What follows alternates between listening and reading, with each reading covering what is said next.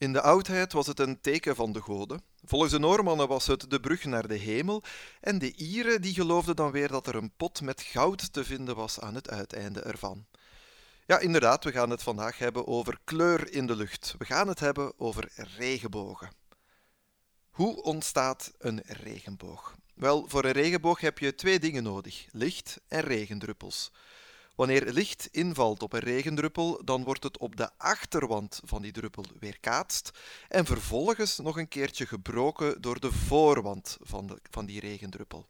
Die breking dat gebeurt dan in de verschillende kleuren van het lichtspectrum. Het gaat om rood, oranje, geel, groen, blauw, indigo en violet, kortom de kleuren van de regenboog. Nu, hoe groter de regendruppel, hoe intenser de kleur, maar ook hoe smaller de regenboog zal zijn.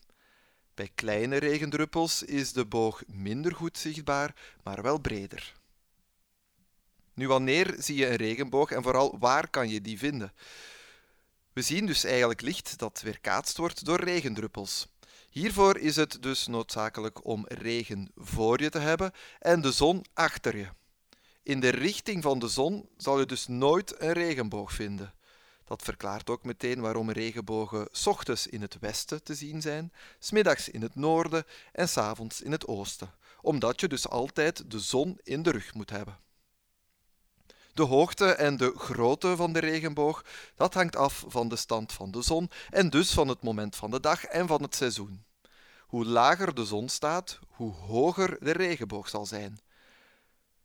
Ochtends, bij zonsopgang bijvoorbeeld, staat de zon dus laag en dan zal je de maximale grootte van een regenboog kunnen zien. Het is dan precies een halve cirkel met het middelpunt aan de grond. Rond de middag dan, wanneer de zon op haar hoogste punt staat, dan zal een regenboog altijd veel lager zijn of in de zomer zelfs niet te zien zijn. Nu vanuit een vliegtuig of wie een berg beklimt, die kan soms meer dan een halve regenboog zien en dat is wel altijd spectaculair.